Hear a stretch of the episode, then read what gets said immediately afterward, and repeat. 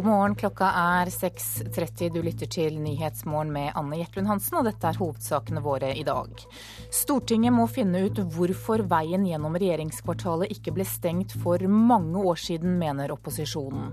Ja, det tok for lang tid, sier statsråd Rigmor Aasrud. Det er ingen tvil om at vi skulle ha gjennomf fått gjennomført eh, vedtakene på et tidligere tidspunkt. Og jeg ser etter det at vi har noe å gå på når det gjelder å sette i gang prosesser for også å gjennomføre det vedtaket vi fikk til. Nye krav gjør det dyrere å bygge studentboliger. Nå frykter studentene at byggingen stopper opp. Og menn kjøper rådyre sykler som de ikke bruker.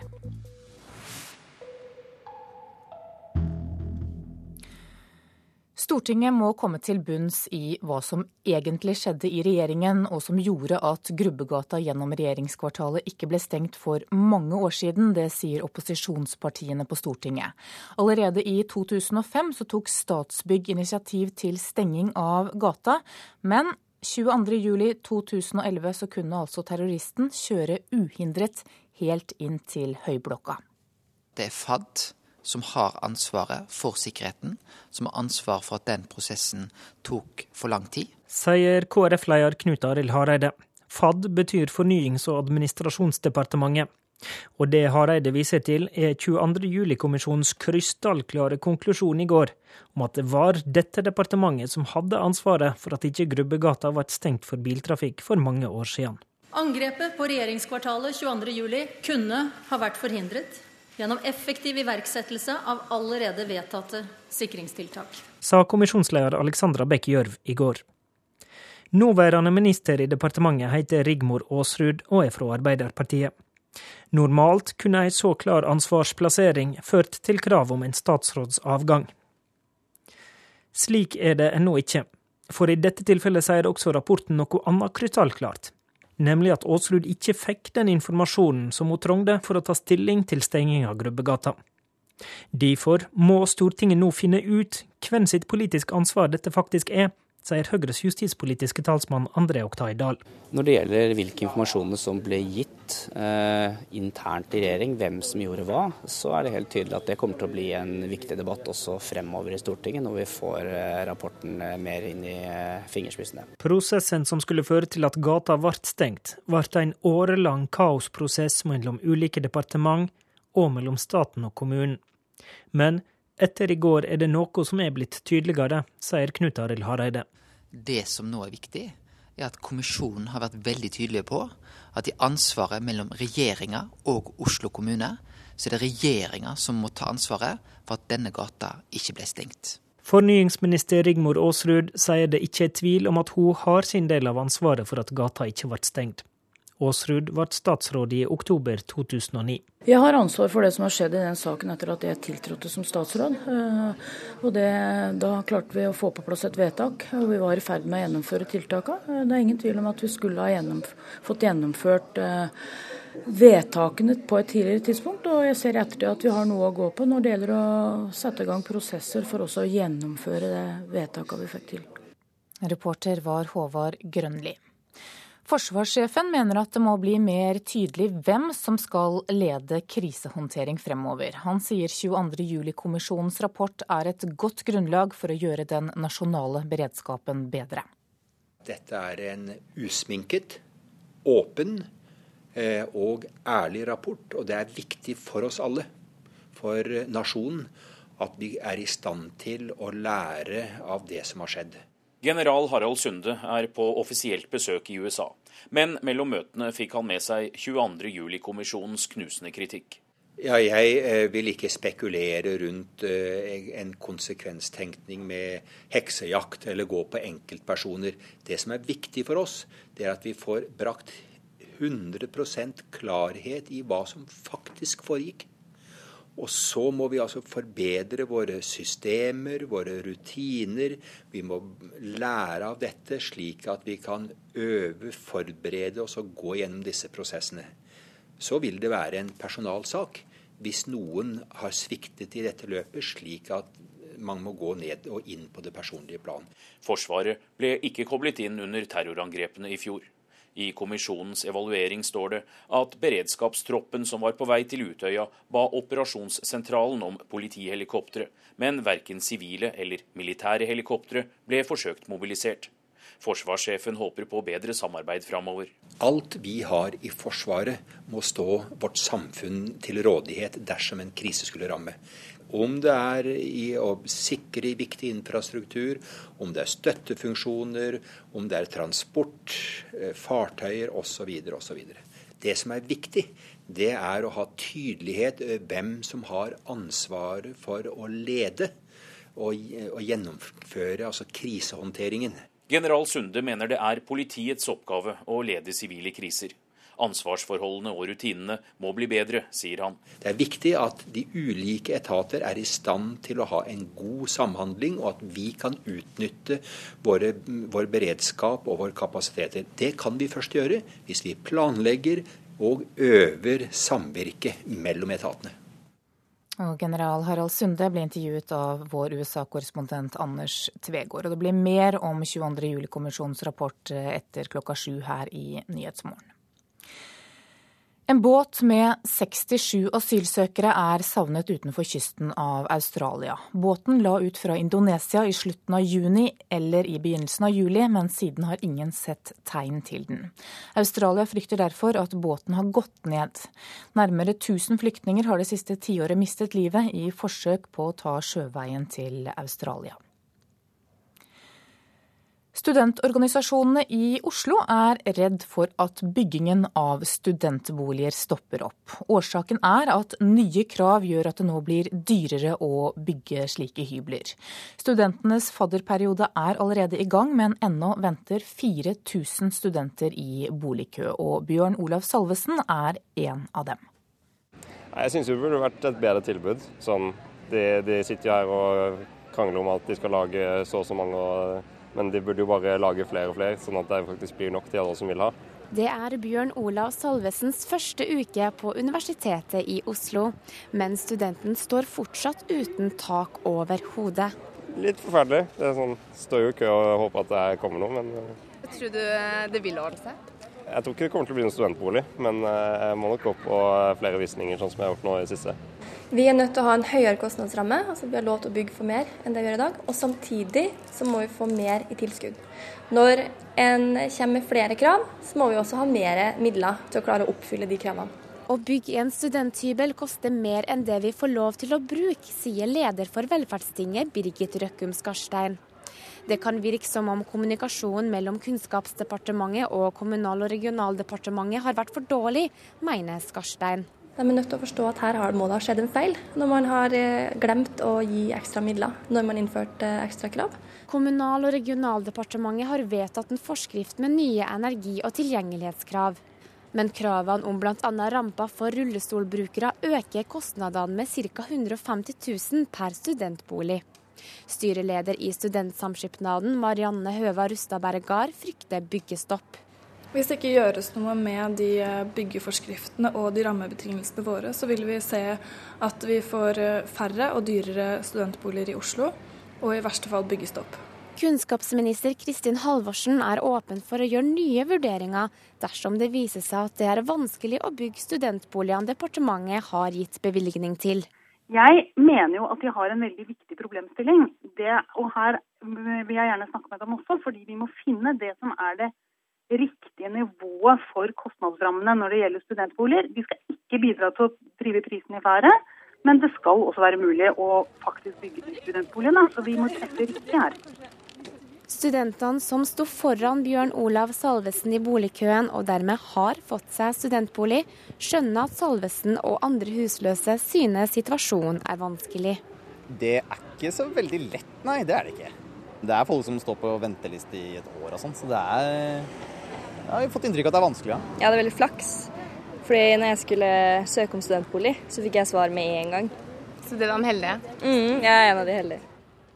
Reporter her, det var Kjersti Havdal. Øyvind Berdal, du er leder for Norsk studentorganisasjon. Hvor mye penger mener dere at staten skal bidra med? Vi mener at staten skal bidra med halvparten av beløpet det koster å bygge en studentbolig, 50% sånn at det blir et reelt spleiselag mellom studenten og staten. Men hvorfor er dere egentlig kritiske her? Nye krav om tilgjengelighet for rullestolbrukere f.eks. høres jo både rett og rimelig ut. Men det handler om at studentboliger er et midlertidig eh, bolig. Eh, det handler om at man ikke ser eh, så stort behov som faktisk de 20 rundt f.eks. universell utforming krever, eh, og at man da bør få dispensasjoner. Eh, det handler om å bygge billigst mulig. Eh, og det handler da om å ha minst mulig heftelser med det å bygge en studentbolig, sånn at det blir rimeligst mulig for studenten å bo og betale i leie. Det må bli nok til alle som vil ha, hørte vi student Salvesen si her. I fjor ble det altså ferdigstilt over 1200 nye studentboliger. Hvor mange trenger vi egentlig? Nå står det 15 000 mennesker i kø. Eh, det står 4200 bare i Oslo. Eh, og det betyr jo at behovet er veldig, veldig stort. Her må vi se handling, politisk handling. Vi må se et samarbeid, et bedre samarbeid mellom vertskommunene, som bør bidra med gratis tomter eller tomter til symbolsk pris, og KD. Vi har sett at fotballag som Vålerenga har fått tomter til én krone, mens studentboliger, der er man vanskeligere å be. Og når Bård Folke Fredriksen, som er byråd for byutvikling i Oslo, sier det, at dette er noe som ikke de ønsker eh, å svare for, så er det en feil innstilling. Og da må vi ta tak i det og sørge for at man rett og slett får en bedre kommunikasjon og setter studenten i fokus. For det er nettopp det det handler om. Det handler om studenter som trenger en bra start på sin studiehverdag. Og da er det å ha en trygg bolig, en ramme for sin studiehverdag, viktig. Ja, hvorfor er akkurat studentboliger da den beste plassen for studenter å begynne i? Fordi det i teorien skal være et rimeligere alternativ enn et privat eh, marked. Eh, nå koster en studentbolig 800 kroner rimeligere i leie enn et privat alternativ. Det mener vi er for lite. At den forskjellen er for liten. Vi mener det at studentboliger skal være et enda rimeligere alternativ. Og da må man lempe på kravene. Da må man se på eh, tomter. Og da må man ha en bedre kommunikasjon mellom KD, kommunene og Kommunal- og regionaldepartementet. Takk til deg, Øyvind Berdal, som er leder for Norsk studentorganisasjon. Da skal vi se på dagens aviser, og rapporten fra 22.07-kommisjonen preger samtlige forsider i dag. Alle de store avisene har bilde av Jens Stoltenberg eller kommisjonens leder Alexandra Bekke Gjørv på forsida. Slik sviktet Jens, skriver VG, som mener at statsministeren må gå av etter kritikken som ble lagt fram i går. Aftenposten skriver at rapporten er en knusende dom over et regjeringsapparat med et oppsiktsvekkende sprik mellom ord og handling. Les om alt som sviktet 22.07, oppfordrer Dagbladet, som kan fortelle at lederen for kommisjonen gråt av de fatale polititabbene. Dagens Næringsliv skriver om en statsråd som ville ta opp bombesikring av regjeringskvartalet på høyeste nivå allerede i 2007, men som ble avvist av Jens Stoltenberg med beskjed om at det ikke var nødvendig med slik sikring. Også Adresseavisen forteller at Stoltenberg avfeide gjentatte advarsler om dårlig sikring. Total svikt, skriver Klassekampen med store bokstaver, og viser til at kommisjonen mener bombingen av regjeringskvartalet kunne vært unngått, og at myndighetene sviktet ungdommene på Utøya. Bistandsadvokater krever i Dagsavisen i dag at politiledelsen må gå for å slippe til personer med bedre dømmekraft. Stavanger Aftenblad har snakket med en politibetjent som sier at nye instrukser for å gripe inn har gjort politifolk mer passive og handlingslammet, og han forstår kritikken mot politiet. Og Nasjonen oppsummerer med at politi og departement får knallhard kritikk av kommisjonen, som påpeker massiv svikt i flere ledd.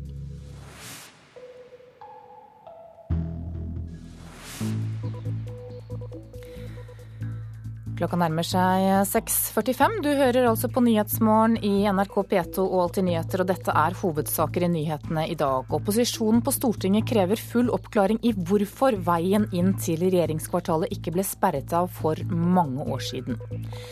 Studentene er redde for at byggingen av studentboliger stopper opp. Nye krav gjør dem nemlig dyrere å bygge. Og flere mediekonsern vil måtte ta samme runde med kutt som Skipssted. det spår medieforsker.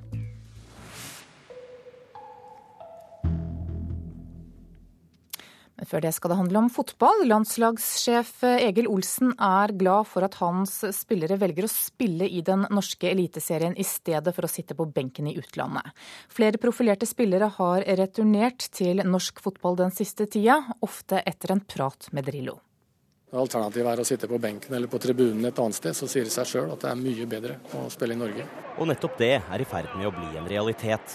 Utenlandsproffene reiser hjem igjen til Norge, Eliteserien og med landslagsambisjoner. Bjørn Helge Riise har returnert til Lillestrøm, mens Branns Erik Huseklepp nå vil ha en plass på Drillos lag etter mislykkede opphold i Italia og England. Ja, det har vært veldig turbulent disse årene nå, så jeg tror at jeg kan bidra til at jeg gjør det bedre nå. Eh, hvor viktig er det også med tanke på landslagsspill, at du får vist deg framfor Drillo på kort hold? Jo da, det er viktig. Det er viktig å, å, å trives med alt. Eh, og nå eh, føler jeg at jeg er der jeg skal være, og nå tror jeg jeg kan bli enda bedre. Tariq Elionossi var lenge aktuell for italienske Pescara, men valgte i stedet Rosenborg. Mye pga. ambisjonene om landslagsspill. Nå som jeg er litt inne i varmen her, så er det viktig å ta vare på den sjansen også, ta vare på den plassen. Og da, og da syns jeg Rosenborg er et uh, godt valg i forhold til spilletid, i forhold til uh, å spille på godt, godt lag. Uh, hvis jeg skulle valgt f.eks. Pescara, da, så hadde jeg gått for noe som er usikkert. så så, så, så, jeg føler i hvert fall at Rosenborg er et veldig fint steg for meg å ta i forhold til spiltid og, og ikke minst å få, å få vise meg fram til, til, å holde en plass her på laget. Og landslagssjefen har også sitt å si når aktuelle spillere skal bytte klubb. Jeg har snakka mye med Tarek. Han var jo påtenkt, eller nesten på vei til Italia, og så jeg har hatt flere samtaler med Tarek, ja. Det sa Egil Olsen til reporter Mats Håby. De kjøper sykler som koster opp mot 100 000 kroner, men bruker dem knapt. Middelaldrende menn med bedre råd enn treningsiver topper bruktmarkedet på dyre og så å si ubrukte sykler til salgs.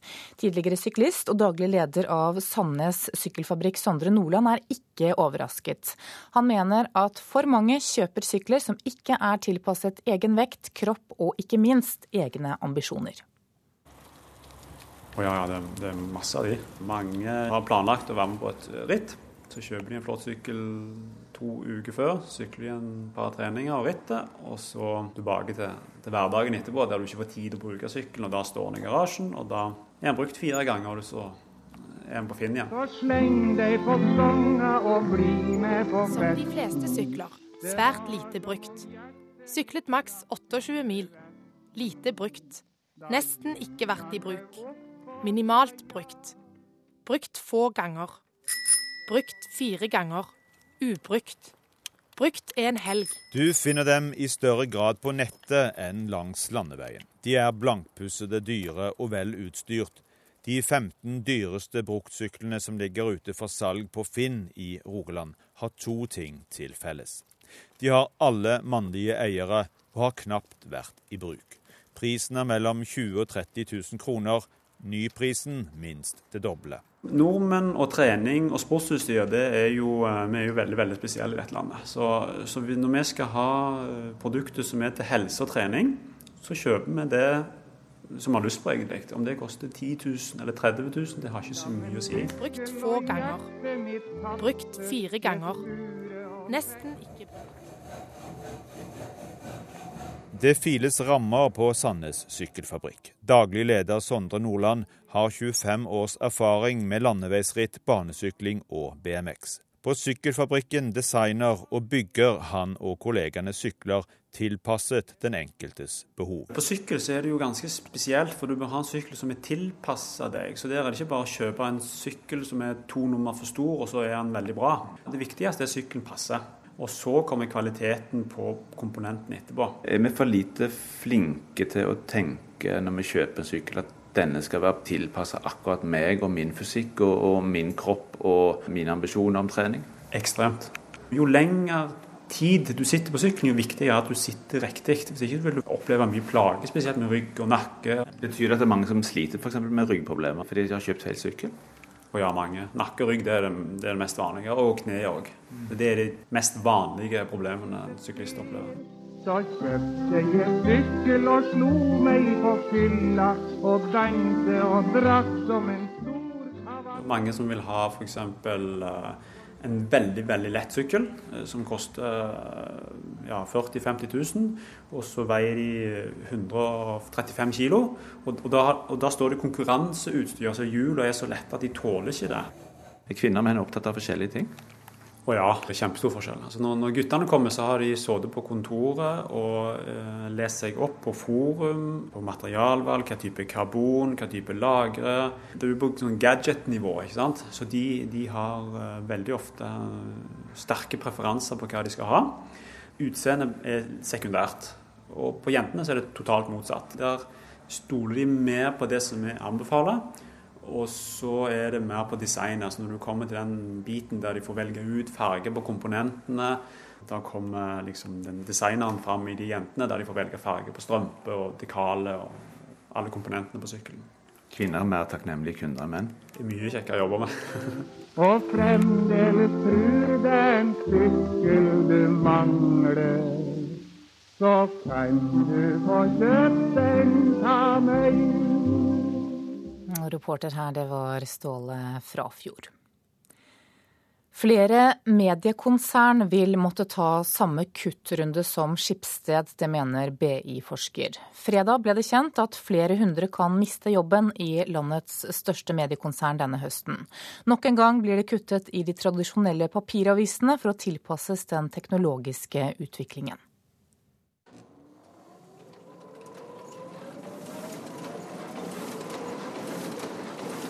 En trykkpresse starter opp og spytter ut nok et opplag papiraviser.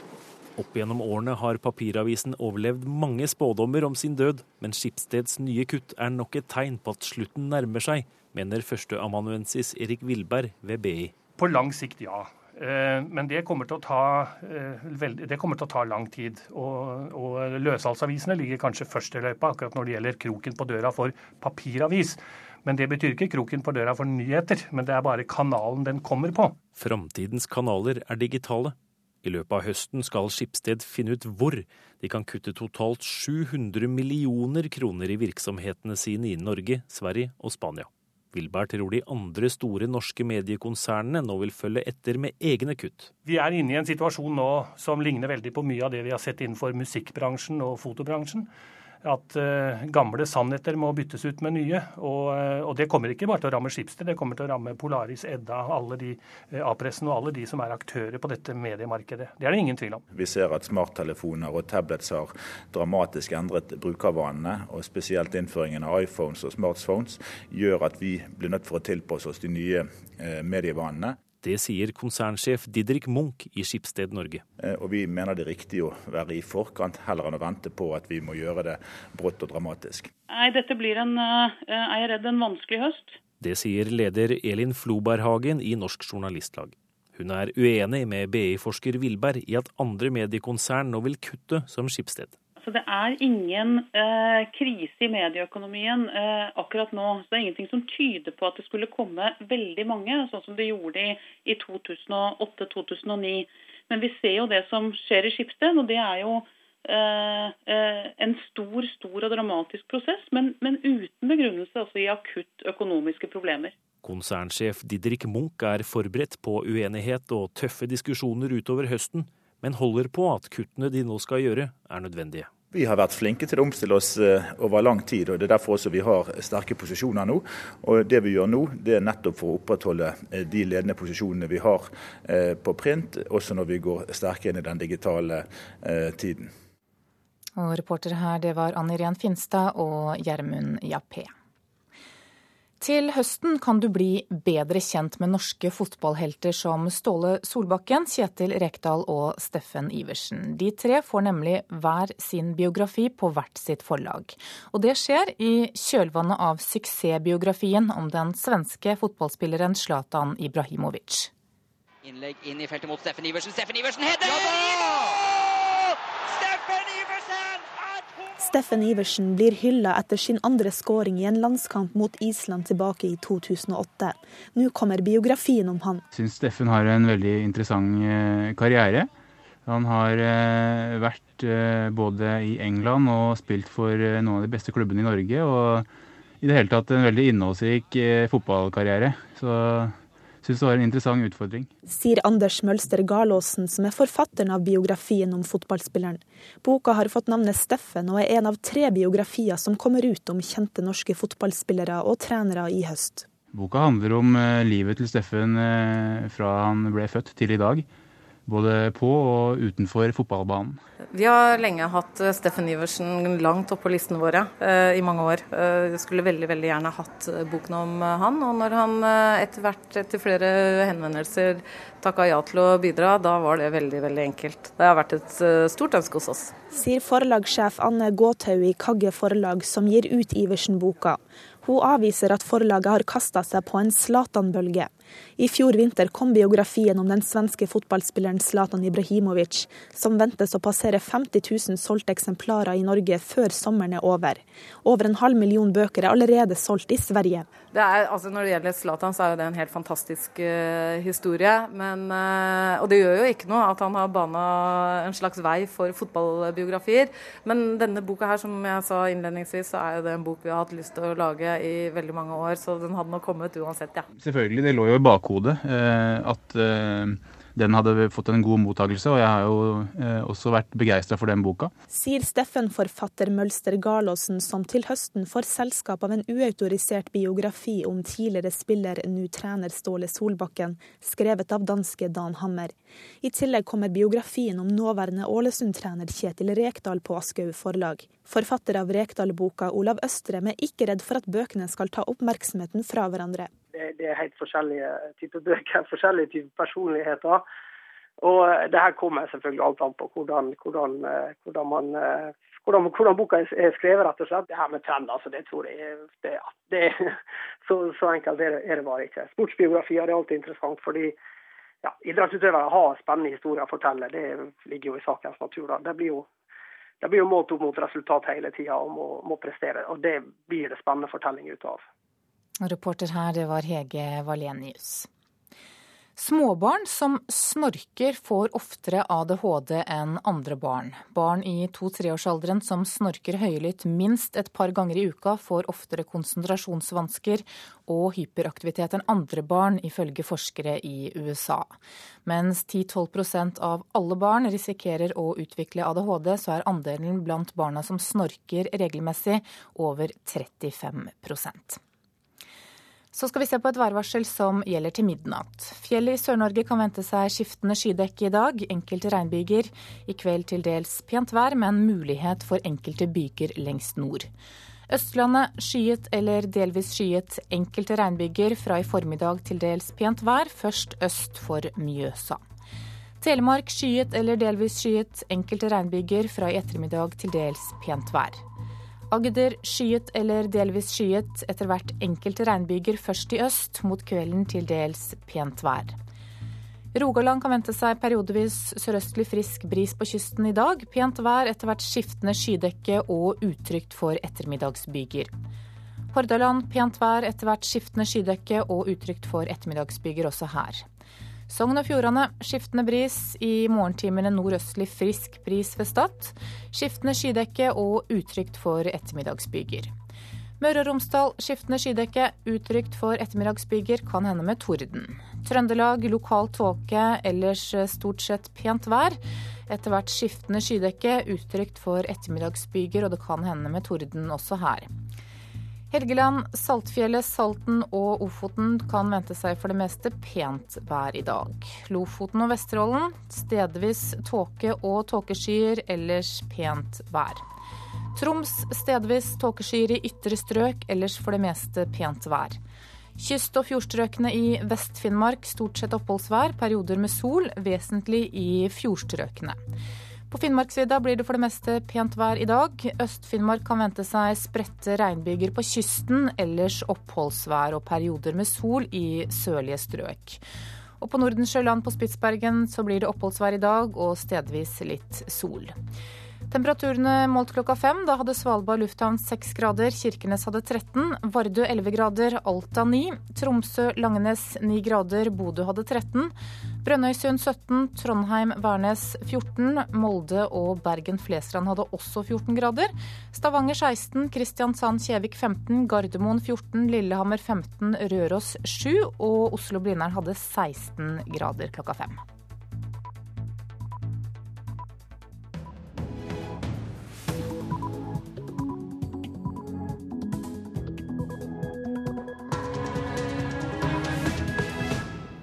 Da er klokka sju. Du lytter til Nyhetsmorgen med Anne Jetlund Hansen i studio. Her er en nyhetsoppdatering. Stortinget må komme til bunns i hva som egentlig skjedde i regjeringen, og som gjorde at Grubbegata gjennom regjeringskvartalet ikke ble stengt for mange år siden. Når det gjelder hvilke informasjoner som ble gitt eh, internt i regjering, hvem som gjorde hva, så er det helt tydelig at det kommer til å bli en viktig debatt også fremover i Stortinget, når vi får eh, rapporten eh, mer inn i eh, fingerspissene sier Høyres André Oktay Dahl. Forsvarssjefen mener at det må bli mer tydelig hvem som skal lede krisehåndtering fremover. Så må vi altså forbedre våre systemer, våre rutiner. Vi må lære av dette, slik at vi kan øve, forberede oss og gå gjennom disse prosessene. Politiet kan lære av helsetjenesten, mener fylkeslegen i Finnmark. På sykehusene fungerte det meste 22.07. Nye krav gjør det dyrere å bygge studentboliger. Studentene er redd for at byggingen stopper helt opp. Tilskuddsordninga fastsettes av Kunnskapsdepartementet. Byggeforskrifta eh, ligger i Kommunal- og regionaldepartementet. Og hvis vi skal kunne forholde oss til begge de to her, så er de to nødt til å kunne snakke sammen og samordne seg på både regler og midler sier leder for Velferdstinget Birgit Røkkum Skarstein. Og menn, gjerne middelaldrende, kjøper rådyre sykler opp mot 100 000 kroner som de nesten ikke bruker. Skal tilbake til rapporten fra 22. juli-kommisjonen som altså ble kjent i går. Det er ikke overraskende at politiet kommuniserte dårlig 22. juli, det sier tidligere polititopp. Politiet tapte verdifull tid denne dagen fordi det tekniske sambandssystemet var for dårlig, men også fordi de ikke kommuniserte tydelig nok på sambandet.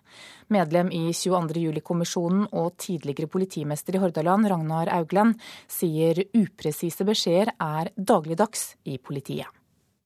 Akkurat dette med sambandsdisiplin det er jo ikke overraskende. For det ser man det har en tendens til å gli ut i det, i det daglige. Augland har bl.a. mangeårig erfaring som politimester og har vært sjef ved Politihøgskolen. Det blir for uformelt og for omtrentlig med meldingsmottak og meldingsavgivelse. Så kan informasjon gå, gå altså glippe. Ja, Det tar jeg naturligvis til etterretning eh, at han påpeker eh, dette. Han har gode forutsetninger for å gjøre slike vurderinger. Det sier politidirektør Øystein Mæland, men eh, han mener det var andre problemer som var mer sentrale 22.07. Kommunikasjonsproblemer mellom to ulike systemer, og det faktum som er blitt veldig tydelig belyst i dag, at ulike politipatruljer ikke visste om hverandres tilstedeværelse og hvor, hvordan de skulle komme i kontakt med hverandre. Men dette er kjente problemer, og man skulle tro at det da ble lagt ekstra stor vekt på presis kommunikasjon. Kommisjonsleder Alexandra Beck Gjørv kom i går med flengende kritikk av politiets aksjon. Men dessverre ser vi det motsatte. Viktig informasjon leses ikke ut på sambandet, og det er dårlig sambandsdisiplin. Minuttene var livsviktige, og mens minuttene gikk, kjørte politibiler forbi hverandre, oppmøtestedet ble endra, og båter ble ikke tatt i bruk. Fagforeningstoppen i politiet, Arne Johannessen, mener ikke det er et generelt problem med uklar kommunikasjon på norske politisamband. Han tror noen politifolk er flinke, andre ikke. Generelt så mener jeg absolutt ikke det, men det er som på alle andre områder forbedringspotensial. Og det er individ som eh, opererer litt eh, ulikt. Men generelt så mener jeg at politiet har en god sambandskultur. Men vi har altfor dårlig samband. Men det er en annen debatt. Og Da pekte kommisjonslederen på at når en vet det, at utstyret ikke fungerer optimalt, så blir det enda viktigere med gode kommunikasjonsrutiner. Eh, hva tenker du om det? Ja, jeg mener at dette er et av de punktene som kommisjonen har påpekt, som etaten er nødt til å se på. Jeg mener hvert eneste punkt kommisjonen har listet opp på læring til politiet, det må tas på alvor, og det må jobbes systematisk på. På dette punktet, som på andre, tror han at mer trening ville hjulpet. Og Det dreier seg om samhandling på samband, og det dreier seg om ordregjeving. Og ja, vi trenger mer trening på skarpe situasjoner og håndtere det. Tidligere politimeister og kommisjonsmedlem Ragnar Auglen sier retningslinjene for krystallklar og tydelig kommunikasjon finnes i norsk politi. Retningslinjene for dette eksisterer allerede. Så det er jo eh, snakk om å stramme dette inn og perfe perfeksjonere det gjennom trening. Så her har jo da de, de ledere som eh, skal ivareta ledelsesfunksjonen på operativt nivå i politidistriktene en, en oppgave å se til at det presisjonsnivået kommer på plass. Reportere her, det var Eva Marie Strand og Håvard Grønli. Og reporter Ole Marius Rørstad, du har lest lederartiklene i de store avisene i dag. Hva er de opptatt av? Det er tid for å plassere skyld, og lengst går VG, som er tydelig på at statsminister Jens Stoltenberg bør ha anstendighet til å gå av, eh, selv om han har flertall i Stortinget. Avisa registrerer at Stoltenberg vrei seg i ubehag i går da spørsmålet om ansvar og tillit eh, ble for nærgående. Ord som inkompetanse, udugelighet og manglende evne blir brukt. Og myndighetene og VG kaller diagnosen fra kommisjonen eh, skremmende, og krever at det får direkte konsekvenser for myndighetspersoner med formelt ansvar. Hva med politiet, som også fikk ganske hard medfart i rapporten? Det er nok, naturlig nok et hovedtema i de aller fleste lederartikler i dag. Dagsavisen slår fast at vi nå vet at politiets egen rapport var villedende og eh, førte befolkninga bak lyset. Eh, de kaller det hvitvasking av egen opptreden 22.07. Um, videre skriver de at opposisjonen ikke vil gjøre jobben sin dersom de ikke følger opp kritikken fra kommisjonen nå. Aftenposten registrerer at de fleste forslagene fra kommisjonen dreier seg om politiet. Slår fast at det må handles raskt eh, fordi mye av politiets tillit er pulverisert etter eh, rapporten. Eh, Dagbladet skriver at politiet ikke holdt mål da det gjaldt som mest, og registrerer at kontrasten er stor til politiets egen rapport om hendelsen. De, de er opptatt av at Politiet har vært mer opptatt av å beskytte seg sjøl og de ansattes rettigheter, og at eh, politiets egen fagorganisasjon bør gå i seg sjøl og ta lærdom av rapporten. Over til deg, politisk redaktør i NRK, Kyrre Nakkim. Det blir også tegna et bilde i rapporten og også i lederartiklene her av en politietat der en hel del ikke fungerer. Hvor ille er det egentlig? Ja, Ifølge rapportene så står det virkelig ille til. Man uh, gjorde altså uh, feil på individnivå. Uh, men man har også systemfeil. Eh, man har ikke operasjonssentraler som fungerer godt nok i en akutt krise. Eh, og ikke minst så, så ser vi at mye av kritikken her går også på politiets handlemåte etter 22.07. juli, altså når man skal granske seg selv, når man skal gå inn og se hva, om man har gjort riktig, så var inntrykket i politiet etter at, uh, var at det ikke hadde gjort noen ting galt. Det har vist seg å være et inntrykk som ikke stemmer. Og det er det mange aviser og mange tar opp nå. Og, og jeg tror også det er dette som kan gjøre situasjonen litt uh, farlig for uh, Mæland framover. Rett og slett at det inntrykket at politiet har prøvd å fordekke sannheten, uh, den kan de ikke, rett og slett ikke leve med. Mæland prøvde å drive den tilbake i går uten hell.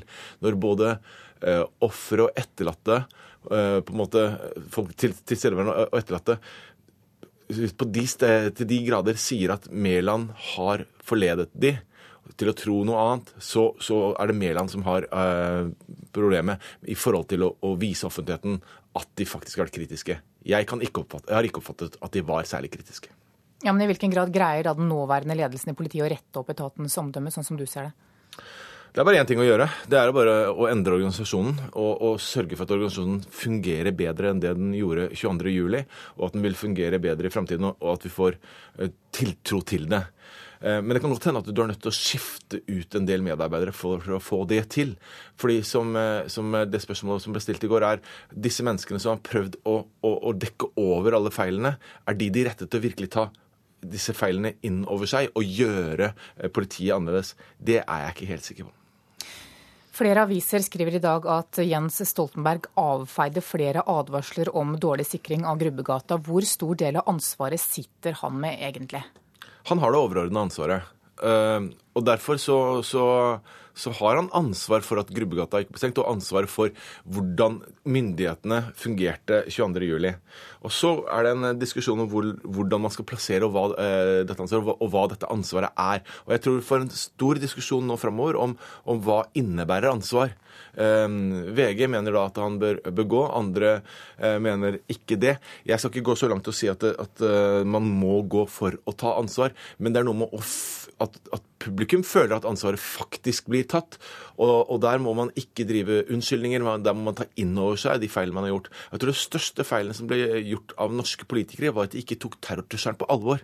At de rett og slett ikke fulgte opp de planer og vedtak som var fattet, og sørget for at ting ble implementert. Og den, den eh, mangelen på eh, fokus mot, mot uh, sikkerhetsarbeid, den gjaldt mange, men den gjaldt også på statsministerens kontor skal vi høre at politiet kan lære av helsetjenestene. For mens politiet altså får kraftig kritikk, så fikk helsetjenesten ros av 22. juli-kommisjonen i går. Fylkeslege i Finnmark Karin Straume satt i 22. juli-kommisjonen, og hun sier at politiet kan lære mye om tydelig ansvarsfordeling av helsetjenestene, og hvordan sykehusene klarte å mobilisere mennesker. Jeg tenker at alle har noe å lære av 22.07. Helsetjenesten eh, gjorde mange gode erfaringer som jeg tenker både politiet og andre instanser i samfunnet har mye å lære av. Helsetjenesten evnet å trykke på den aller største knappen. De slo rød alarm ganske tidlig og mobiliserte alt som var av ressurser. Og det, sånn at ressurser ble ikke på noe tidspunkt noe problem i helsetjenesten. Har du noen eksempel på hvordan de forflytta ressurser til rett plass? Eh, I Helse Sør-Øst, som er det største helseforetaksområdet vårt, så ligger det allerede i beredskapsplanen at hvis det skjer en katastrofe over et visst omfang, så trer Oslo universitetssykehus inn som en koordinerende organ for alle ressursene i hele Helse Sør-Øst, sånn at de kan organisere og forflytte ressurser på tvers av helseforetakene. Det skjedde også 22.07. Arbeiderpartiets Martin Kolberg finner det interessant at helsevesenet gjorde de riktige valgene 22.07.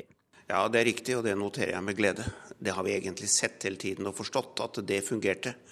Eh, og det er jo i hvert fall veldig bra, da, at det gikk så fint som det gjorde. Eh, og I lys av det så er det klart at det er grunn til å stille spørsmålstegn ved politiets organisering. Mens det var en tydelig ansvarsfordeling mellom ulike sykehus, er dette organisert annerledes i politiet, sier kommisjonsmedlem Karin Straume. Der er det vel mer lagt opp til eh, nabohjelp mellom politidistrikt, men ikke en eh, overordnet eh, struktur, sånn som de regionale helseforetakene er, som kan legge planer for hele sin region på, på tvers av det som for politiet ville være politidistrikter.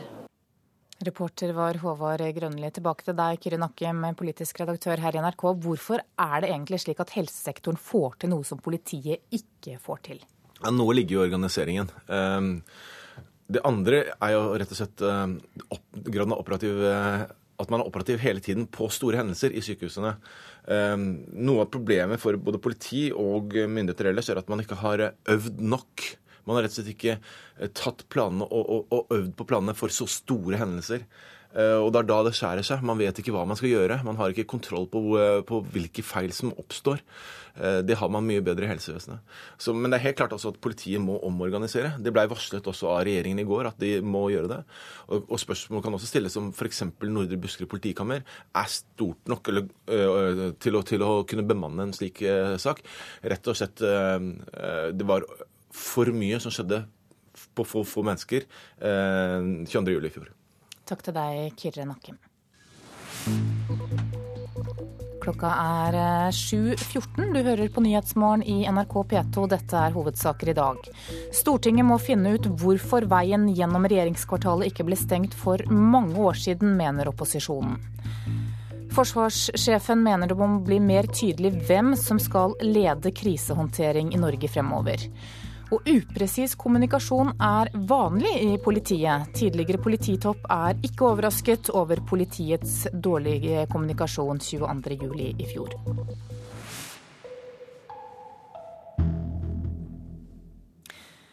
Så til eh, Somalia, for der er tiden for overgangsregjeringen over om en snau uke, og landet skal gå mot mer demokrati.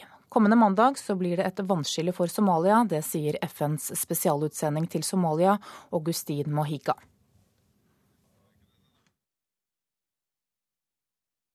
Til eh, den eh, etter hvert.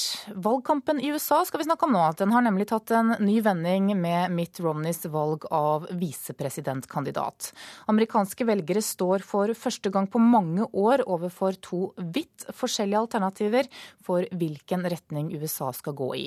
Og etter å ha slitt i motvind i sommer, så er nå gnisten tilbake hos kampklare republikanere. Mitt Romney klapper og viser tommelen opp. Han står på scenen sammen med visepresidentkandidat Paul Ryan i hjemstaten hans Wisconsin og ser utover 8000 frammøtte. Det er det største publikummet så langt i denne valgkampen.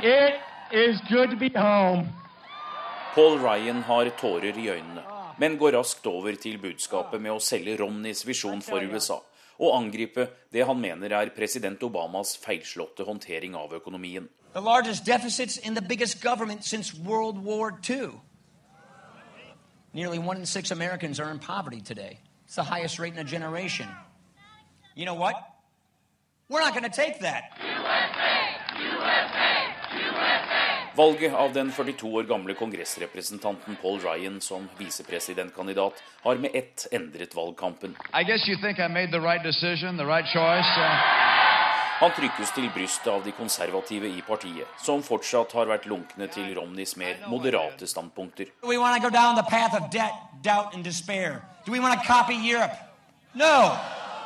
Ryan omdefinerer Romneys kampanje til ikke bare å handle om å erstatte Barack Obama, men også en diskusjon om hvordan USAs sosiale programmer, økonomi og statens prioriteringer skal se ut i framtida.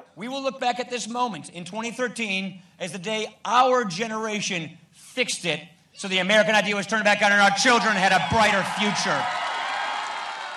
More than any other election, this is a choice about two different visions for the country for two different directions of where America should go. President Barack Obama sier at velgerne står overfor et tydelig valg i november. Også demokratene trykker Paul Ryan til brystet, fordi han har en klar visjon de mener er ekstrem og liberal. En politikk som forsvarer de rike, rammer middelklassen og endrer de eldres populære, men dyre helseforsikringsordning Medicare. Uh, the Obama kaller Ryan ideologen hos republikanerne, og det med negativt fortegn. Uh, Men Ryan er også en respektert motstander, kjent for å være løsningsorientert over partigrensene og en god kommunikator. Kommentatorene sier Romney har tilfredsstilt både høyresiden og venstre i amerikansk politikk med valget av visepresident, men de er delt i hvor klok avgjørelsen var. Ryan kommer med ungdommelighet og klar politikk inn i valgkampen som mobiliserer basen. Men også grasrota hos demokratene hisser seg opp over hvilken vei USA kan ta med Romney og Ryan. Obama prøver allerede å få fokus bort fra økonomi og arbeidsplasser, og går heller løs på hva republikanerne står for ved å ha valgt mannen som vil endre Medicare og sosiale støtteordninger. Hoggestabben er Paul Ryans budsjettforslag som gikk gjennom i representanthuset. Presidenten er på en busstur i Midvesten for å sanke stemmer og penger de neste dagene. Også Romney og Ryan har allerede splittet lag etter to kampanjedager sammen. De prøver nå å nå over de avgjørende delstatene, der kampen mot demokratene nå er jevn. Anders Tvegård, Washington skal vi høre at eh, i Somalia så er tiden for overgangsregjeringen over om en snau uke, og landet skal gå mot mer demokrati. Førstkommende mandag så blir det et vannskille for Somalia. Det sier FNs spesialutsending til Somalia, Augustin Mahiga. Tidlig i sommer. En norsk hjelpearbeider ble kidnappet og ført over grensen til Somalia. En dramatisk påminnelse om at Somalia er et land uten noen velfungerende sentral myndighet. Men ifølge FN er det håp for Somalia, og starten går til mandag. That will be the watershed between transition and transformation. By transformation, I mean stabilization of the country, new leadership,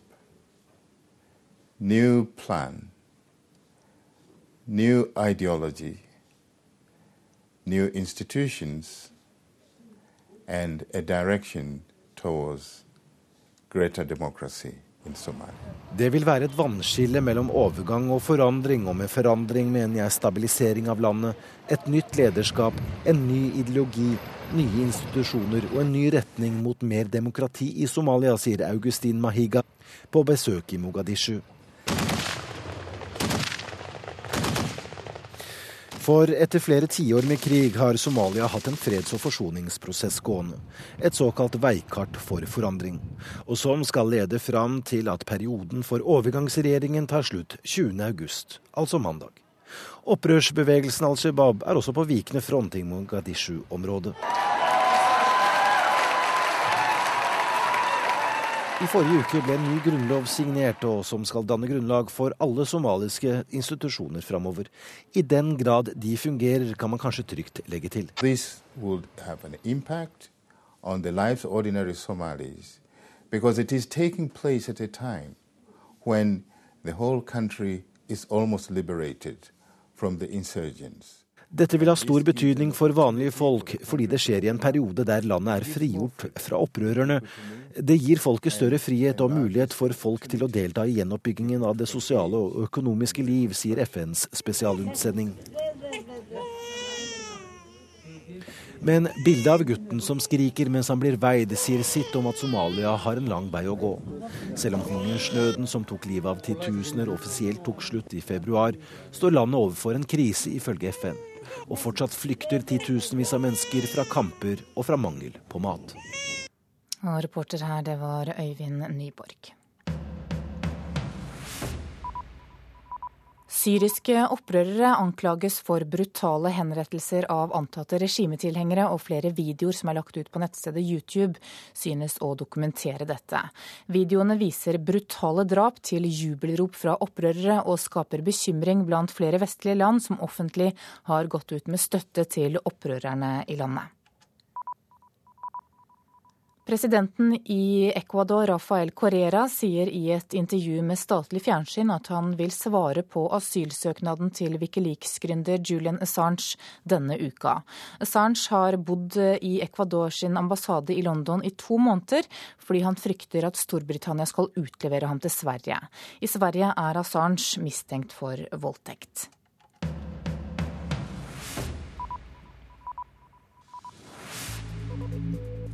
Da skal vi se på dagens aviser, og rapporten fra 22.07-kommisjonen preger samtlige forsider i dag. Alle de store avisene har bilde av Jens Stoltenberg eller kommisjonens leder Alexandra Beck Gjørv på forsida. Slik sviktet Jens, skriver VG, som mener at statsministeren må gå av etter kritikken som ble lagt fram i går. Aftenposten skriver at rapporten er en knusende dom over et regjeringsapparat med et oppsiktsvekkende sprik mellom ord og handling. Les om alt som sviktet 22.07, oppfordrer Dagbladet, som kan fortelle at lederen for kommisjonen gråt da hun ble klar over de fatale polititabbene.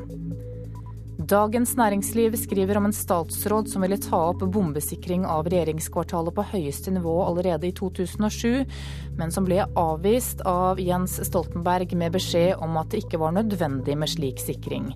Også Adresseavisen forteller at Stoltenberg avfeide gjentatte advarsler om dårlig sikring. Total svikt, skriver Klassekampen med store bokstaver, og viser til at kommisjonen mener bombingen av regjeringskvartalet kunne vært unngått, og at myndighetene sviktet ungdommene på Utøya. Bistandsadvokater krever i Dagsavisen i dag at politiledelsen må gå for å slippe til personer med bedre dømmekraft. Stavanger Aftenblad har snakket med en politibetjent som sier at nye instrukser for å gripe inn har gjort politifolk mer passive og handlingslamma, og han forstår kritikken mot politiet. Og Nasjonen oppsummerer med at politi og departement får knallhard kritikk av kommisjonen, som altså påpeker massiv svikt i flere ledd.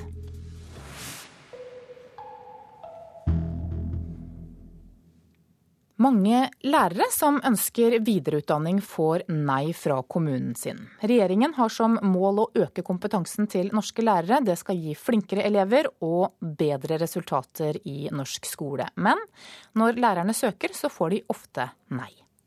Jeg er blitt mye flinkere faglig. Gisle Høyland er lærer på Olsvik skole i Bergen. Han har tatt videreutdanning i naturfag, og mener det har gjort han til en bedre lærer. Jeg er mye mindre opptatt av hva læreboken sier og mye mer opptatt av hvordan tror jeg at dette kan gjøres på en forståelig og, og artig måte. Men ikke alle lærere er så heldige. Mange ønsker å søke videreutdanning, men får nei av kommunen sin.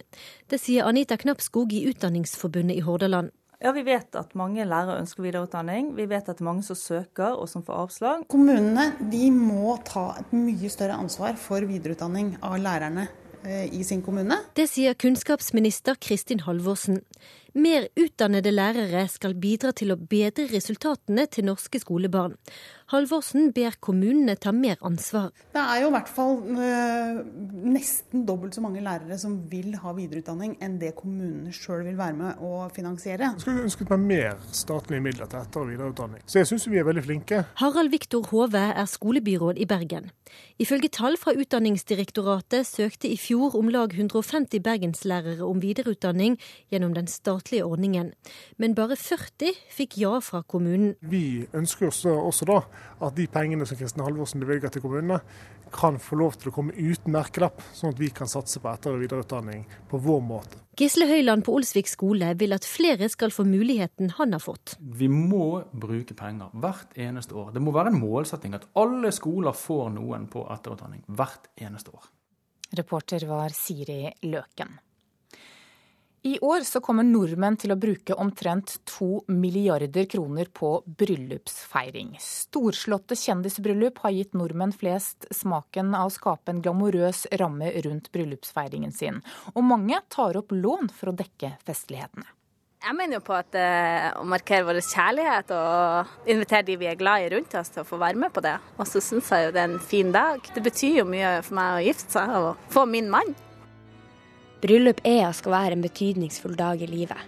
Drømmen om evig troskap og samhørighet skal bli sann, og nordmenn legger stadig mer tid og penger i å få den perfekte starten på det perfekte liv.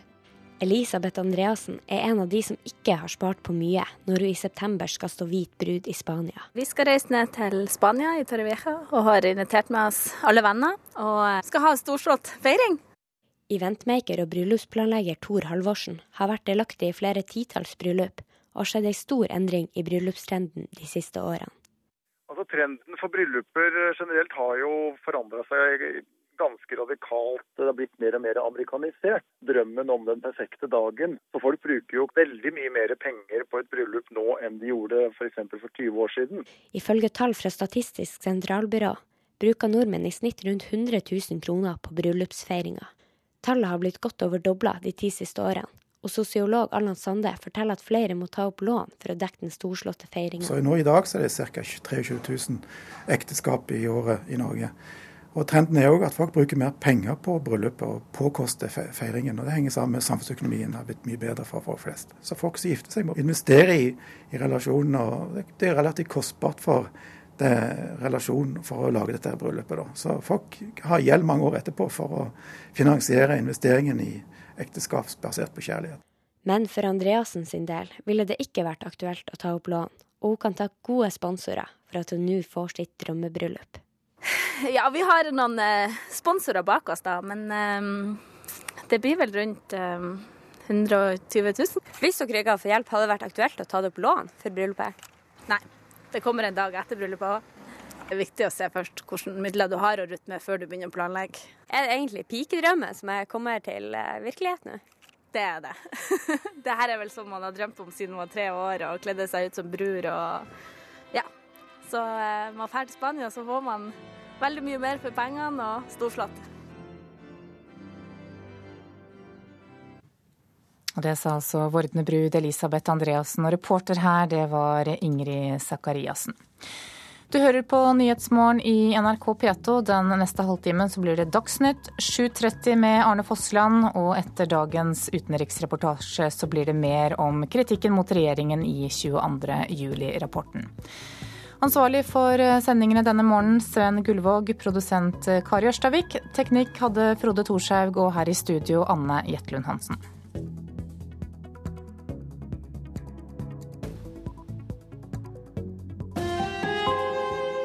Hør ekko. Sorte, spraylakkerte bokstaver på garasjeveggen. Igjen. Vet ikke om jeg gidder å bli sur. Antall anmeldelser av tagging er halvert på to år. Den harde linjen mot taggerne har vel fungert? Eller kanskje vi rett og slett ikke lar oss provosere lenger? En time ekko i hele sommer mellom klokka ni og ti i NRK P2. Dårlig kommunikasjon vanlig i politiet. Tidligere polititopp ikke overrasket over at det skjedde også 22.07. De kraftige skogbrannene fortsetter å herje ved den spanske feriebyen Alicante. Og norske fotballspillere flykter benken i utlandet. Bra, mener Drillo. Her er NRK Dagsnytt, klokken er 7.30. Ja, Det er ikke overraskende at politiet kommuniserte dårlig den 22. juli i fjor. Det sier en tidligere polititopp. Politiet tapte verdifull tid fordi det tekniske sambandssystemet var for dårlig, men også fordi de ikke kommuniserte tydelig nok på sambandet. Medlem i 22. juli-kommisjonen og tidligere politimester Ragnar Auglen sier upresise beskjeder er dagligdags i politiet. Akkurat dette med sambandsdisiplin det er jo ikke overraskende. For det ser man det har en tendens til å gli ut i det, i det daglige. Auglen har bl.a. mangeårig erfaring som politimester og har vært sjef ved Politihøgskolen. Det blir for uformelt og for omtrentlig med meldingsmottak og meldingsavgivelse, så kan informasjon gå, gå altså glippe.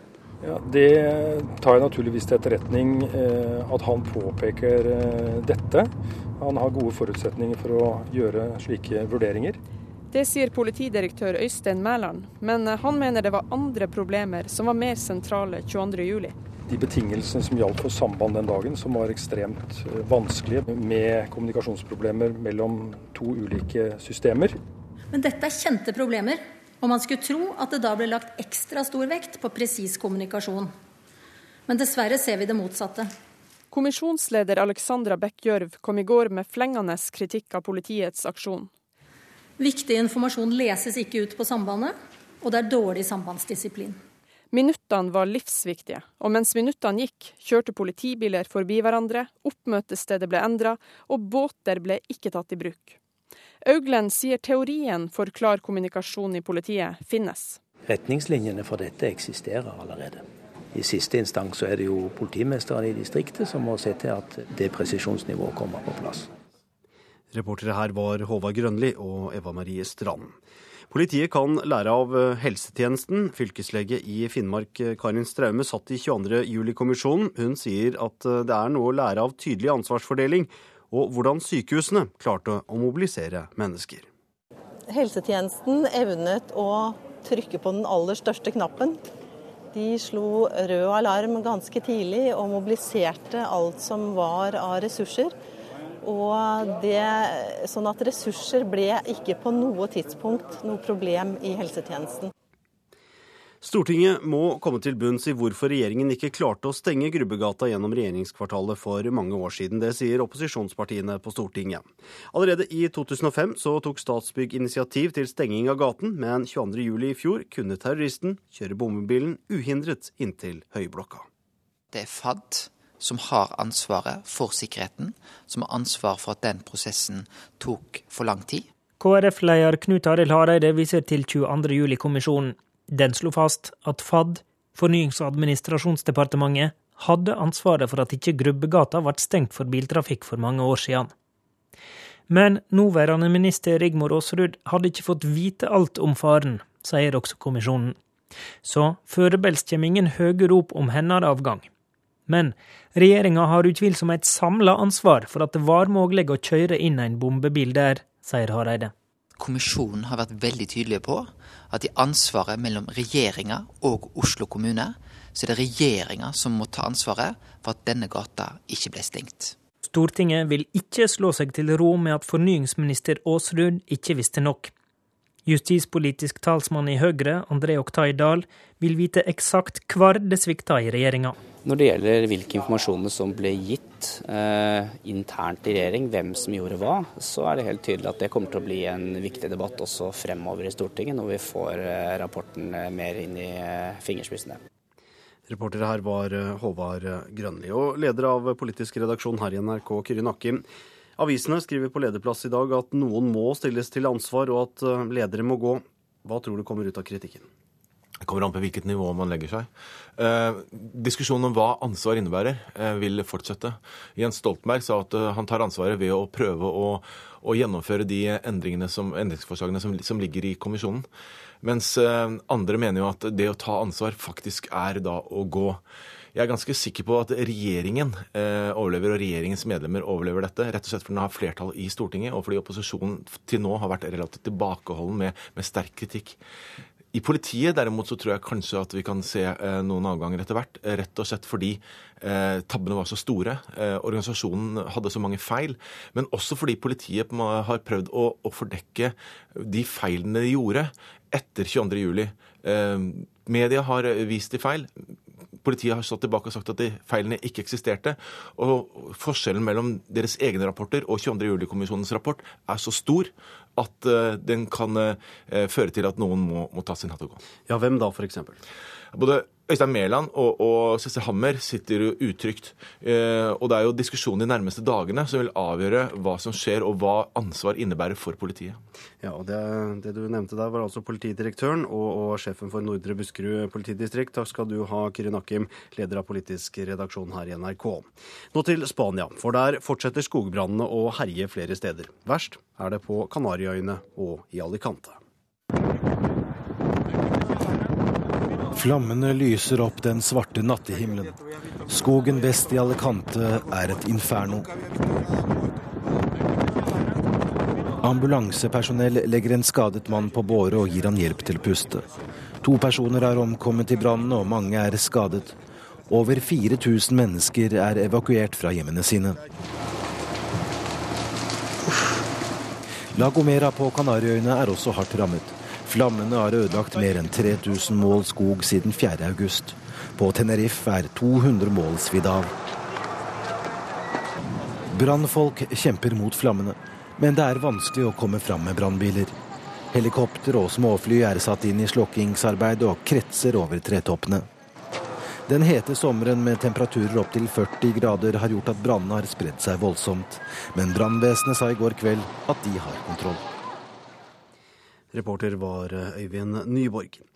Landslagssjef Egil Olsen er glad at hans spillere velger spill i den norske eliteserien framfor å sitte på benken i utlandet. Flere profilerte spillere har kommet tilbake til norsk fotball den siste tiden, ofte etter å ha snakket med Drillo. Alternativet er å sitte på benken eller på tribunen et annet sted, så sier det seg sjøl at det er mye bedre å spille i Norge. Og nettopp det er i ferd med å bli en realitet. Utenlandsproffene reiser hjem igjen til Norge, Eliteserien og med landslagsambisjoner. Bjørn Helge Riise har returnert til Lillestrøm, mens Branns Erik Huseklepp nå vil ha en plass på Drillos lag etter mislykkede opphold i Italia og England. Ja, det har vært veldig turbulent disse årene nå, så jeg tror at jeg kan bidra til at jeg gjør det bedre nå.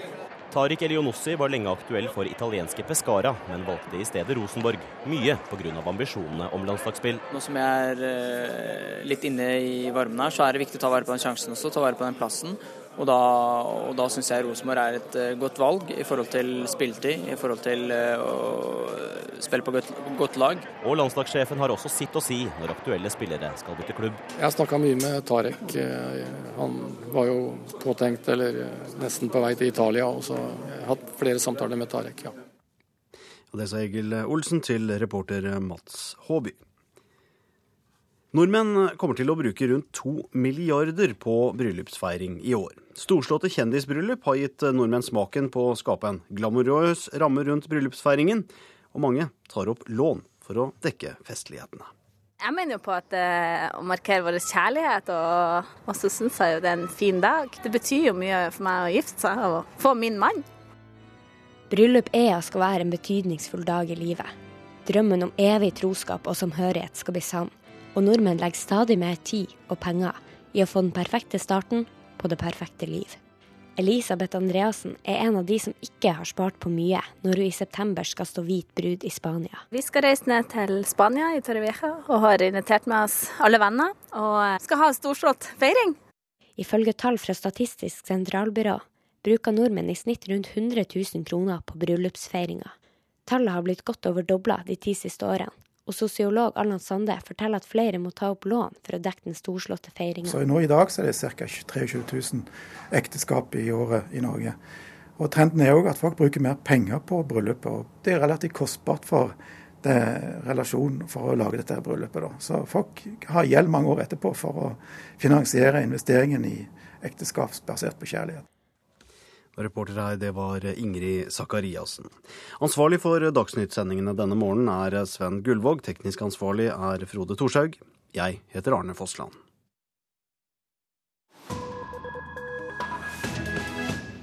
Nyhetsmorgen fortsetter. Befolkningen nær kysten ved Galveston i den amerikanske delstaten Texas våknet opp til et trist syn denne helgen. Langs strendene fløt det død fisk. Kort tid etter den store oljekatastrofen i Mexicogolfen så er mange redd for at det hardt prøvede miljøet står foran nok en prøvelse. Men det viste seg å være en for enkel tanke. Det er den amerikanske fjernsynskanalen CBS som står ved stranden ved Galveston i Texas og filmer. Foran kamera i vannkanten ligger det hundrevis, kanskje tusenvis av død fisk. Det ser ikke bra ut, og det lukter ikke bra. En av de lokale ser det humoristiske i det. Mulighetene for å slanke seg er til stede fordi lukten fjerner matlysten.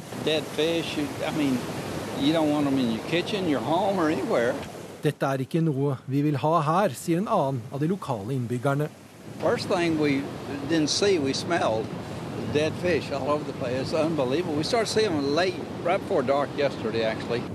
De luktet fisken før de så den. De døde fiskene dukket opp ved stranden fredag i forrige uke. Forsker Steven Mitchell fra miljøvernmyndighetene i Texas er også ved stranden. Han tar vannprøver i en rekke glass.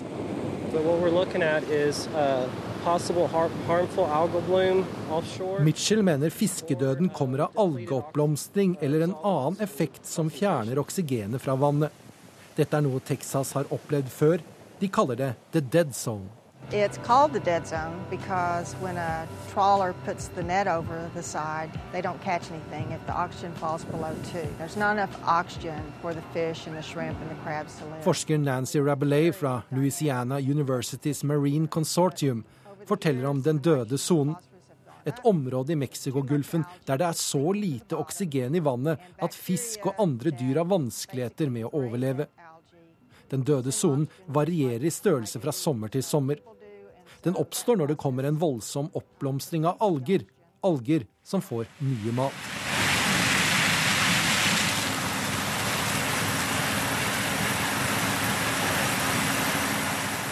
Lyden du hører, kommer fra Iowa. Det er jordbruk i stor skala, og det brukes mye kunstgjødsel. Gjødselet havner etter hvert i Mississippi-elven, og Mississippi-elven ender i Mexicogolfen. Mye er sagt, men lite er gjort for å redusere bruken av kunstgjødselet som fòrer algene i havet. Faktisk subsidierer staten kunstgjødselbruken. Men i år er egentlig ikke dette historien. I was in uh, Delaware and Randolph counties and Darke County, Ohio yesterday, and they had a lot of fields like that. They were waist high, tousled, rolled up, and they're, they're pathetic, you know, bad looking. But uh, I just wanted to show you guys some of the pictures on the drought here. This is a run the sheep use, but you can see how the grass is dead. That's a field over there's the neighbors. They don't ever mow it or nothing, but but the grass is dead there, and the Queen Anne's lace and stuff, but the only thing growing. En bonde filmer ute i åkeren sin. Det er juli i år. Bonden vet at dette er en av de mest alvorlige tørkeperiodene i nyere tid. Det han kanskje ikke vet, er at akkurat dette er et eksempel på at det aldri er så galt at det ikke er godt for noe. For den kraftige tørken har ført til mindre avrenning til Mississippi-elven, og med det mindre kunstgjødsel i Mexicogolfen, og en av de minste døde sonene som er målt. Det er derfor det er noen tusen døde fisk i Texas i år, og ikke millioner, som det tidligere har vært. Det sa utenriksmedarbeider Halvard Sandberg. Du hører på Nyhetsmorgen, klokka er 7.44. Dette er hovedsaker nå. Opposisjonen på Stortinget krever full oppklaring i hvorfor veien inn til regjeringskvartalet ikke ble sperret av for mange år siden. Politiet kan lære av helsetjenesten, mener fylkeslegen i Finnmark. På sykehusene fungerte nemlig det meste 22.07. Og studentene er redd for at byggingen av studentboliger stopper opp. Nye krav gjør dem nemlig dyrere å bygge. Og i Politisk kvarter så skal det handle om kritikken mot regjeringen, programleder Veronica Westrin. Ja, for dommen over regjeringens arbeid er hard og brutal i avisene i dag.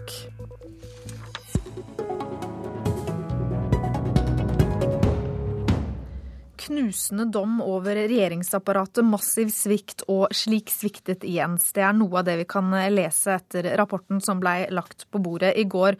Anders Anundsen, leder av kontroll- og konstitusjonskomiteen på Stortinget for Fremskrittspartiet. Eh, hvordan ser du på det som kommer frem? Det er klart det er mange alvorlige forhold som ble pekt på i går av Gjørv-kommisjonen. Og jeg må si at på en måte så tror jeg vi fikk litt slått pusten ut av oss eh, mange. Fordi eh, vi hadde vel venta at det skulle komme en del kritikk, men det som kom var i hvert fall langt mer og langt mer alvorlig enn det jeg hadde forestilt meg på forhånd.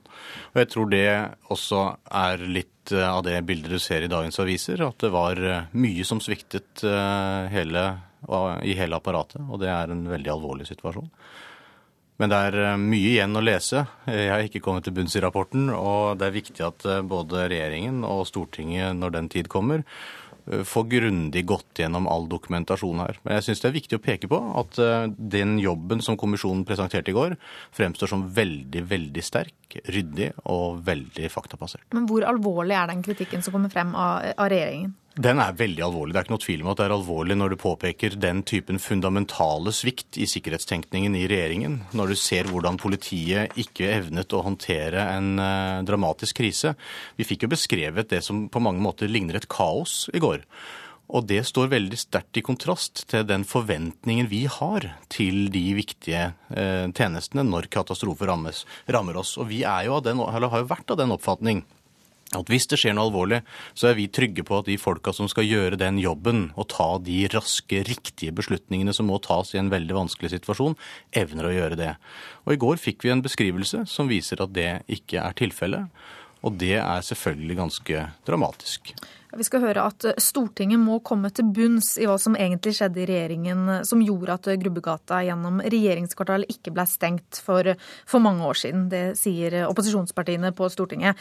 Allerede i 2005 så tok Statsbygg initiativ til stenging av gaten, men 22.07.2011 så kunne altså terroristen kjøre uhindra inntil Høyblokka.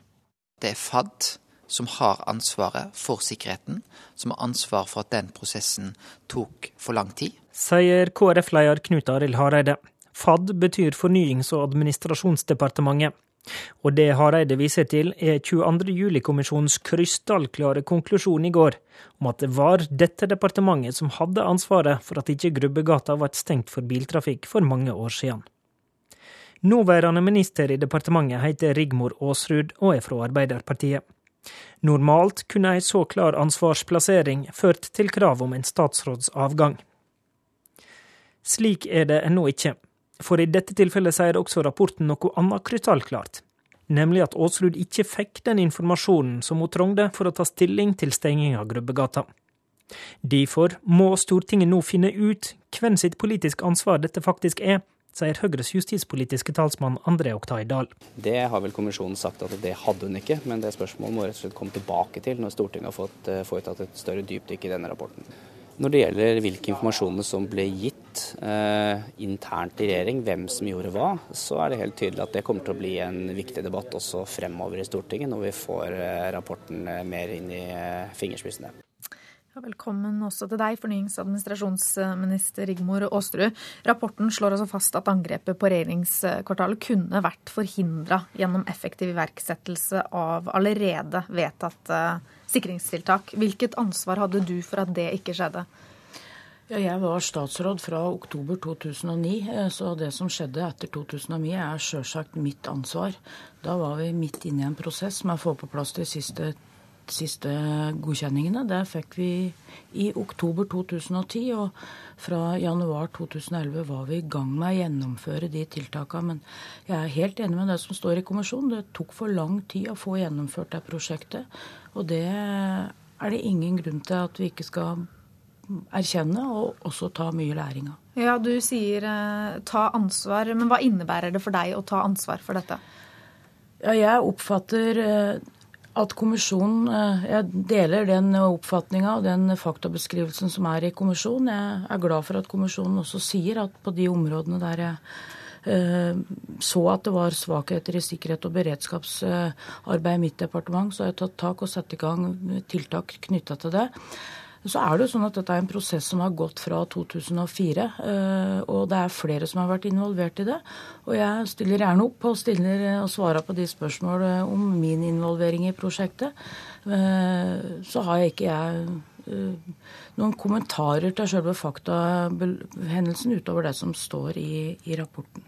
Har du vurdert din stilling som følge av dette? Jeg har ikke vurdert å gå av, for jeg mener at eh, jeg har jobba og bidratt til å gjennomføre det som var mulig å gjennomføre i min tid. Jeg har, eh, er glad for at kommisjonen har sett at vi har tatt tak og jobba med sikkerhet eh, i ettertid i departementet. Vi har gjort både organisatoriske og personellmessige endringer. Og, og, det tror jeg er viktig for at vi skal ha mer fokus på sikkerhet framover og høyne sikkerhetskulturen i departementene. Anders Andersen, hva synes du om måten Fornyingsdepartementet har håndtert denne saken på? Nei, dette er jo en fortelling som uh, Gjørv-utvalget gir som nesten ikke er til å tro. For der er det altså tre departementer som er involvert. Det er, er Justisdepartementet uh, og FAD, som er Aasruds departement, og Statsministerens kontor. Det har vært en kommunikasjon mellom disse som har ført en fullstendig handlingslammelse i forhold til å få dette til.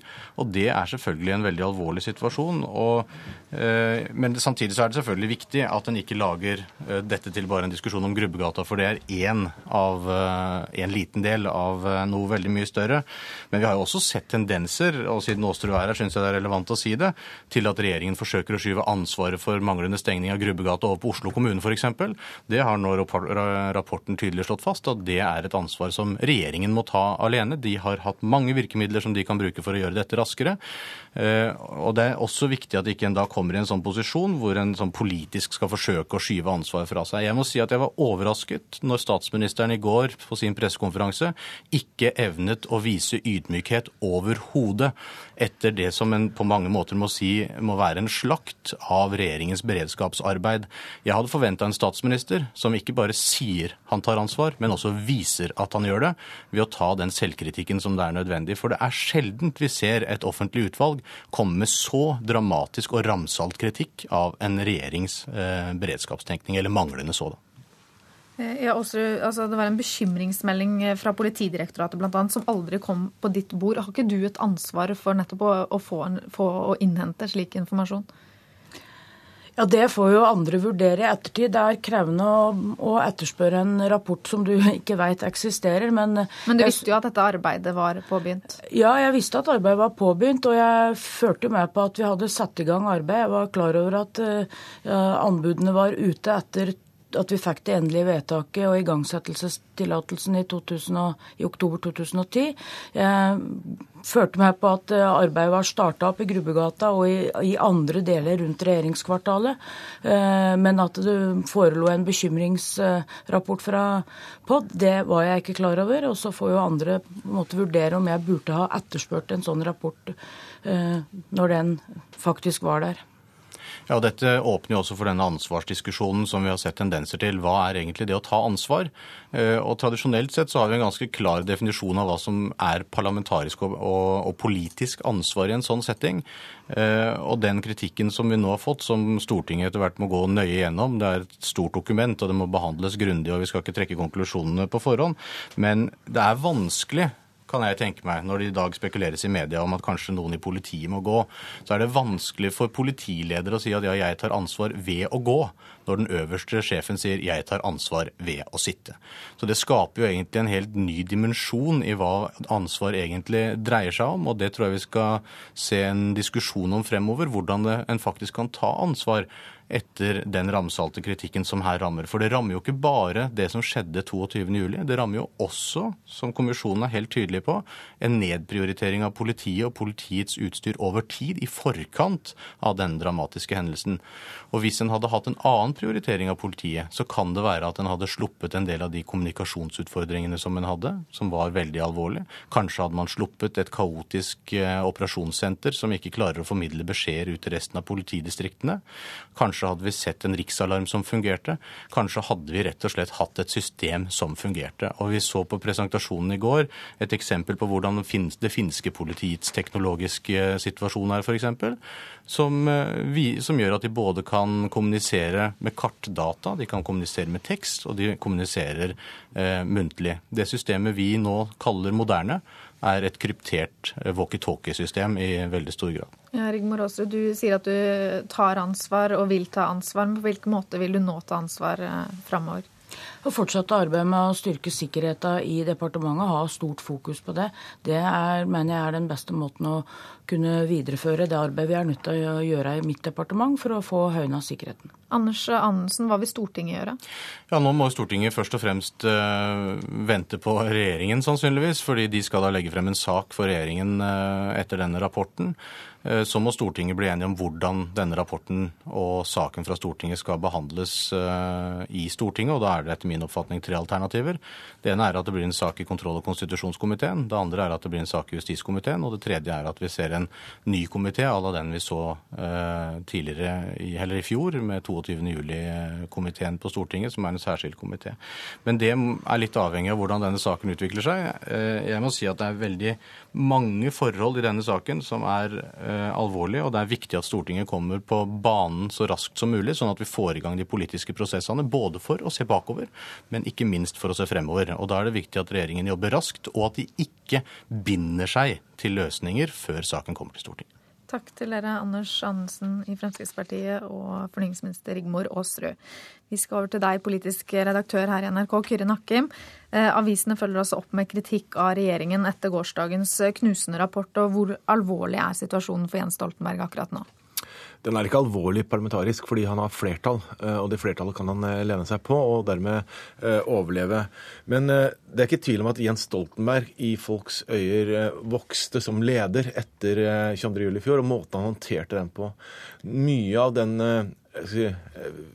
forherligelsen, mye av den, av den styrken han fikk der, vil nå komme, gå bort. Fordi det er ikke tvil om at regjeringen hadde, gjorde alvorlige feil at regjeringen ikke har tatt uh, sikkerhetssituasjonen på, på, alvor. Og mange av de sak, sakene som var avdekket av kommisjonen i går, peker rett mot uh, Stoltenberg og mot uh, hans statsråder. Så ja, Stoltenberg overlever fint, men det er jo velgerne som, som, feller sin dom om ett år. Og jeg tror han kan, er svekket i deres øyne etter dette. Ja, VG går så langt som å si at statsministeren bør gå. Hva taler for det? Det er ikke uvanlig at man tar eh, ansvar ved å gå etter en så alvorlig feil som har oppstått. Eh, tross alt så var det det største angrepet på Norge siden krigen. Eh, mange ungdommer døde. Regjeringskvartalet ble slått ut. Og alt dette pga. feil som ble, ble, gjort også i regjeringsapparatet. Og da er det ikke uvanlig at man tar ansvar. Hadde den parlamentariske situasjonen vært annerledes, hadde det vært en mindretallsregjering, så er jeg ikke i tvil om at regjeringen har sittet usikkert. Hadde vi også hatt en justisminister som var den samme som satt 22.07, så tror jeg også at eh, vedkommende måtte gå, altså Storberget. Nå er det mange som allerede har tatt sin eh, hatt og gått. Toppledelsen i Justisdepartementet og, og, justisministeren. Og det tar unna noe av kritikken. Ja, hvordan vurderer du den kritikken som kommer av Fornyingsdepartementet? Den er vanskelig fordi eh, Rigmor Aasrud ble eh, ikke fullstendig informert. Dessuten så var det flere eh, departementer eh, involvert. Men feilen er jo eh, voldsom, og det er jo rart at ingen etterspør eh, mer informasjon når de er involvert. Det gjelder både Statsministerens kontor og Fornyingsdepartementet. Så jeg tror at hun også ville sitte utrygt hadde det ikke vært for at man har dette flertallet, og at Jens Stoltenberg har vernet henne. Og byråkratiet, forventer du at noen vil gå der? Det vil bli en diskusjon rundt Ingelin Kellengren, som var sjef for, for uh, POD, altså politiet, og som hadde ansvar for hvordan det var organisert, og som nå sitter som toppembetskvinne i, i, i, i, departementet. Og det er jo litt rart at den personen som ikke evnet å bygge politiet godt nok til å stå imot terror, nå skal sikre oss mot at terroranslag skal komme i eh, regjeringen osv. Så, videre.